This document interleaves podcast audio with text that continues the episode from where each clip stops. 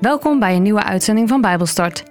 Vandaag behandelen we Openbaring 21, vers 1 tot en met Openbaring 22, vers 5.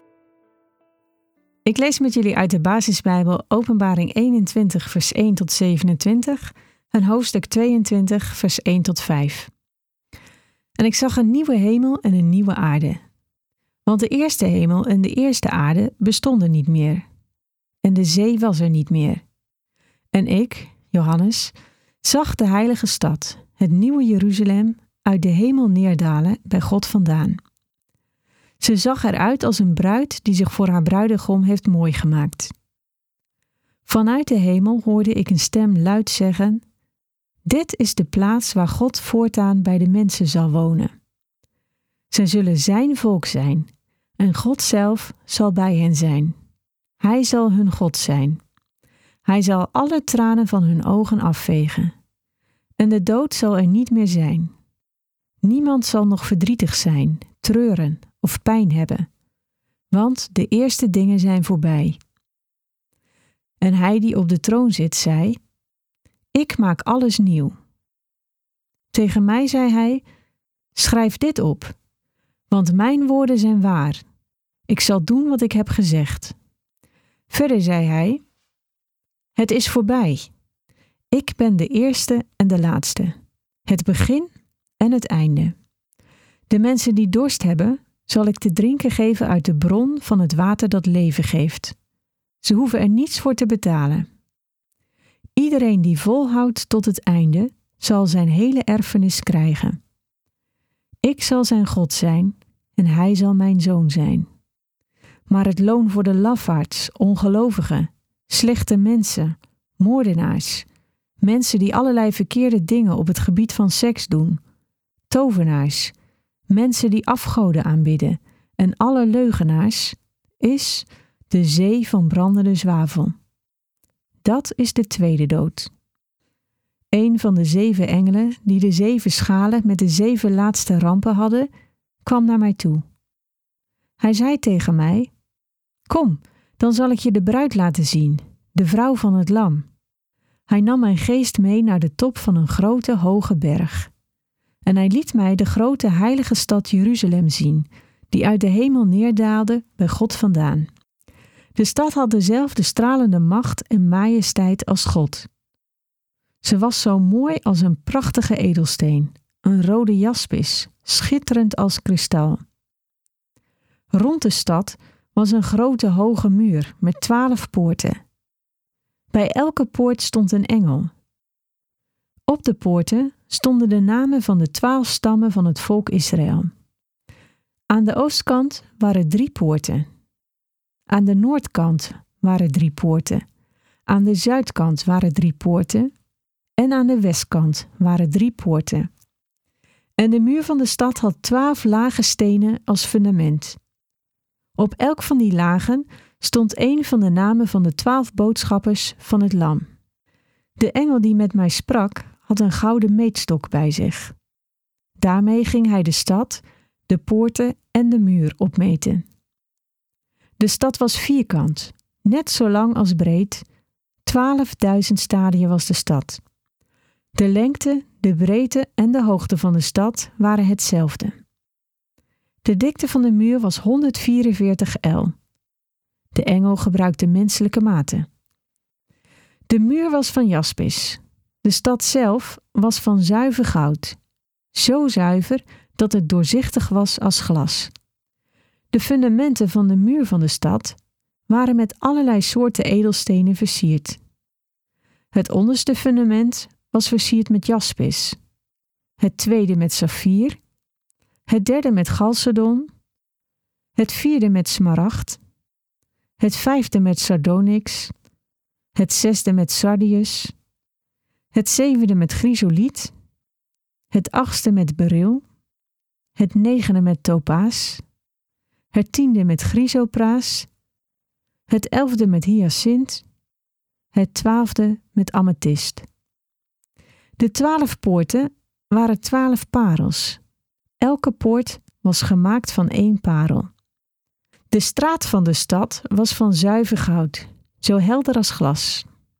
ik zag geen tempel in de stad, want de Almachtige Heer God en het Lam zijn zelf de tempel. En de stad heeft geen zon of maan nodig, want het licht van de stralende macht en majesteit van God verlicht de stad, en het Lam is de lamp van de stad. De volken die gered zijn, zullen in dat licht leven. En de koningen van de aarde zullen hun rijkdommen naar de stad brengen.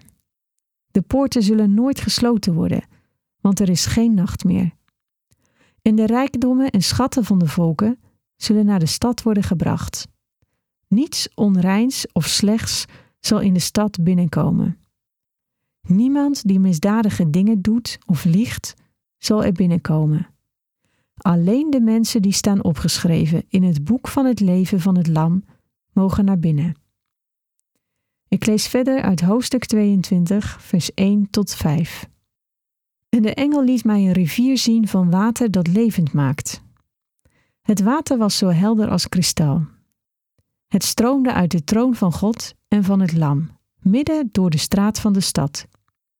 En midden op de straat, aan beide kanten van de rivier, stonden levensbomen. Daar groeien twaalf keer per jaar vruchten aan, elke maand een keer. De bladeren genezen de volken. Er zal geen vervloeking meer zijn, en de troon van God en van het Lam zal daar staan. Gods dienaren zullen hem dienen. Ze zullen zijn gezicht zien, en zijn naam zal op hun voorhoofd staan. Er zal geen nacht meer zijn, en ze hebben geen lamp of zon meer nodig, want de Heer God zal hun licht zijn, en ze zullen voor eeuwig als koningen heersen.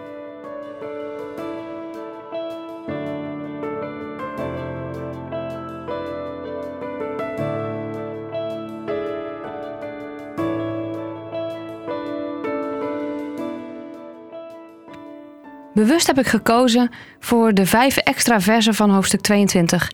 In de basisbijbel loopt hoofdstuk 21 ook door tot en met hoofdstuk 22 vers 5. En daarna komt er een nieuwe titel, namelijk Jezus komt terug. Daar wil ik het dus de volgende, de laatste uitzending over hebben. Nu eerst de nieuwe hemel en de nieuwe aarde.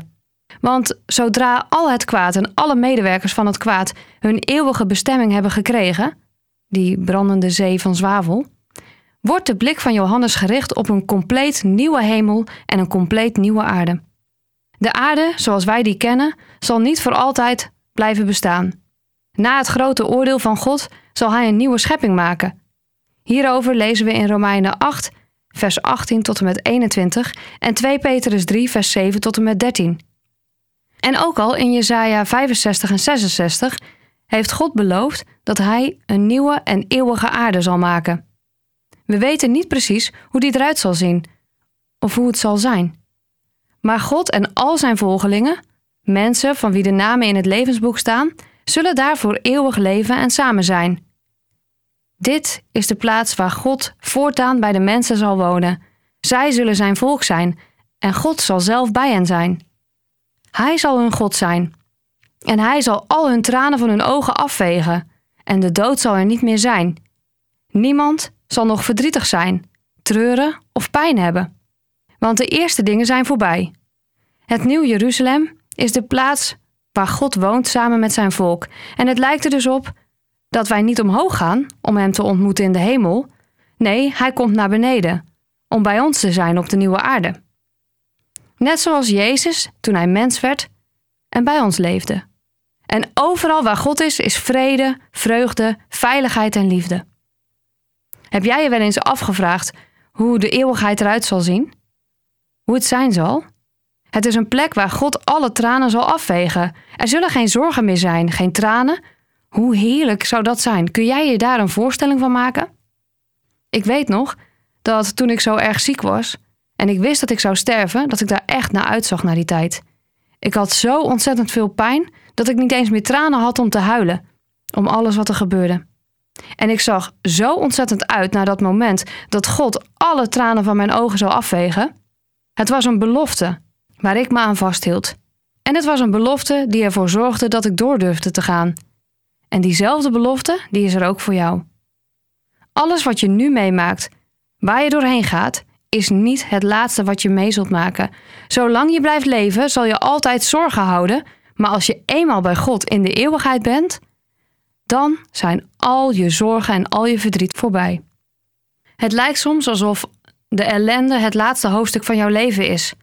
Maar God heeft zelf het laatste hoofdstuk van jouw leven al opgeschreven. En dat hoofdstuk gaat over Zijn ware liefde, Zijn eeuwige vreugde en Zijn eeuwige aanwezigheid. Misschien frustreert het je dat je niet precies begrijpt hoe de nieuwe hemel en de nieuwe aarde eruit zal zien. Misschien ga je daarom juist twijfelen. Maar weet je wat ik geloof? Ik geloof dat we precies voldoende weten om ons vast te houden aan die belofte. En ik weet zeker dat welke heerlijke voorstelling wij ook maken van die nieuwe hemel en de nieuwe aarde, dat de werkelijkheid nog veel wonderlijker zal zijn dan dat wij nu kunnen bedenken. Ik denk echt dat Gods heerlijkheid ons verstand te boven gaat. En hij die op de troon zit, zei: Ik maak alles nieuw. Tegen mij, tegen Johannes, zei hij: Schrijf dit op, want mijn woorden zijn waar. Ik zal doen wat ik heb gezegd. God is degene die op de troon zit en hij zegt: Ik maak alles nieuw. De Bijbel begint met het fantastische verhaal van Gods schepping. De Bijbel eindigt met het fantastische verhaal over de schepping van een nieuwe hemel en een nieuwe aarde. En voor iedereen die gelovig is, is dit een bemoediging en hoop voor de toekomst. Net zoals God zijn scheppingswerk voltooide in Genesis, heeft Jezus zijn verlossingswerk voltooid. Dat lezen we in Johannes 19, vers 30. En nu zal de drie-eenheid het volledige reddingswerk voltooien door alle gerechtige gelovigen uit te nodigen in de nieuwe schepping. In vers 8 wordt het woord lafaards gebruikt. Lafaards zijn niet de mensen die een klein geloof hebben, of mensen die vragen hebben, of mensen die wel eens twijfelen. Want ik denk dat er niemand is die zonder twijfel is. Nee, deze mensen zijn de mensen die zich van God afkeren en weigeren om Hem te geloven. Het zijn mensen die denken dat ze het zonder Jezus kunnen redden en mensen die dus niet kunnen leven met het idee dat God over hun leven regeert. De overwinnaars zijn alle mensen die Jezus trouw gebleven zijn tot het allerlaatste moment. Zij zullen de zegeningen die God heeft beloofd ontvangen. En welke zegeningen zijn dat nou? Nou, daar lazen we over in hoofdstuk 2 en 3. Ze zullen eten van de levensboom. Ze zullen ontsnappen aan de tweede dood. Ze zullen een speciale naam hebben. Ze zullen macht hebben over de volken. Ze zullen worden bijgeschreven in het boek van het leven. En ze zullen een pilaar zijn van Gods geestelijke huis. En ze zullen met Christus op de troon zitten. Het zijn de mensen die beproevingen van de duivel hebben doorstaan en trouw gebleven zijn aan God. Deze mensen worden beloond. Vanaf vers 9 tot en met hoofdstuk 22, vers 5 gaat het over het laatste visioen uit Openbaring. Het is een fantastische beschrijving van de stad van God. Het visioen is symbolisch en opnieuw zullen we merken dat er geen woorden zijn voor de beschrijving van Gods nieuwe huis. Ondanks dat we er misschien niet eens de woorden voor hebben, zal het al onze verwachtingen te boven gaan en wij zullen niet teleurgesteld raken. Het Nieuw Jeruzalem is een beeld van Gods woning voor zijn volk. De twaalf stammen van Israël worden genoemd in vers 12 en zij vertegenwoordigen waarschijnlijk alle gelovigen uit het Oude Testament. De twaalf boodschappers van het Lam staan waarschijnlijk symbool voor alle gelovigen van de gemeente met de hoofdletter G. Op de nieuwe aarde zullen dus gelovige mensen wonen die God trouw gebleven zijn.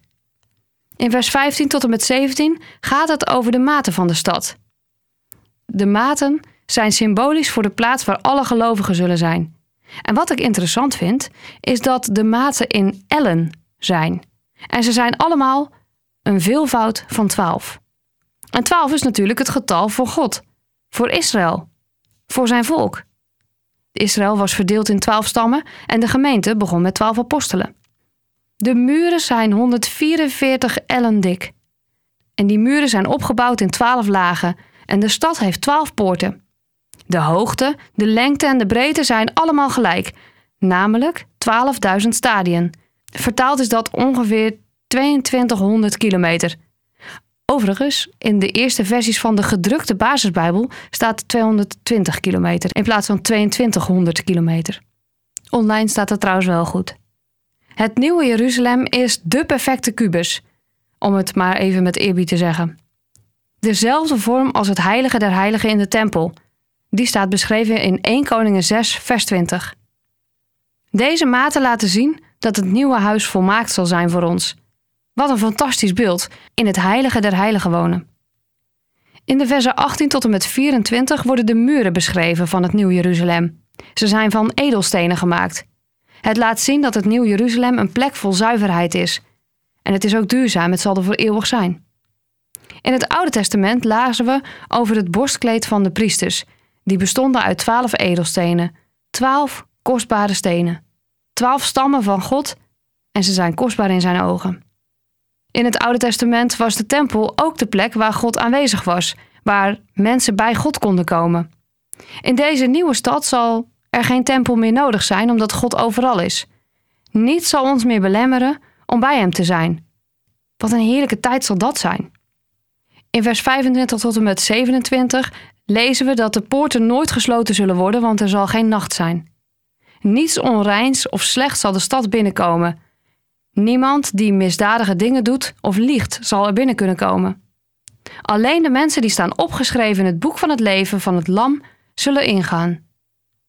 In het nieuwe Jeruzalem zal het veilig zijn. Je zult nooit meer op je hoede hoeven te zijn voor valse mensen, leugens, roddels, pijn en verdriet. Al die dingen zijn vernietigd en wat er overblijft is waarheid, liefde en Gods aanwezigheid. Wij kunnen het ons waarschijnlijk niet eens voorstellen, maar een heel klein beetje misschien. En van dat hele kleine beetje word ik al enorm blij.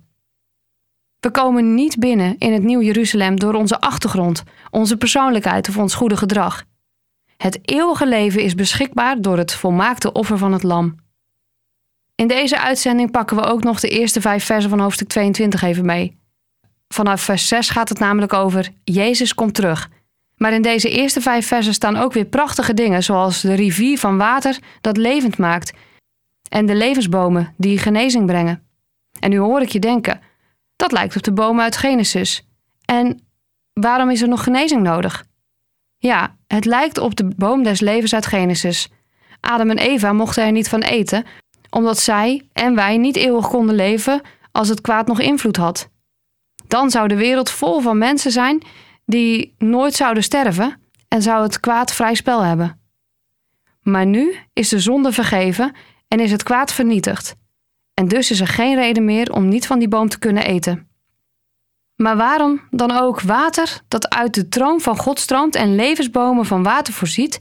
De bladeren hebben een genezende kracht. Waarom is dat dan nodig? Ik denk niet dat Johannes hier duidt op een letterlijke genezing in de vorm van het weggaan van ziektes, want er zal geen ziekte en geen pijn meer zijn. Ik denk dat het water een teken is dat het overal waar het komt, het gezondheid en kracht geeft.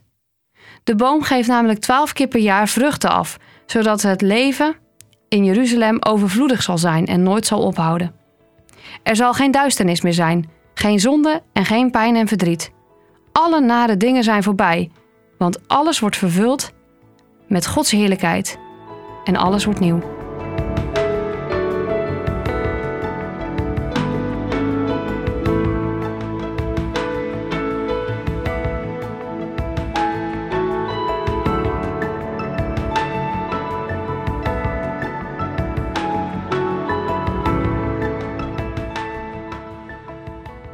Dit was Bijbelstart, een programma van TWR.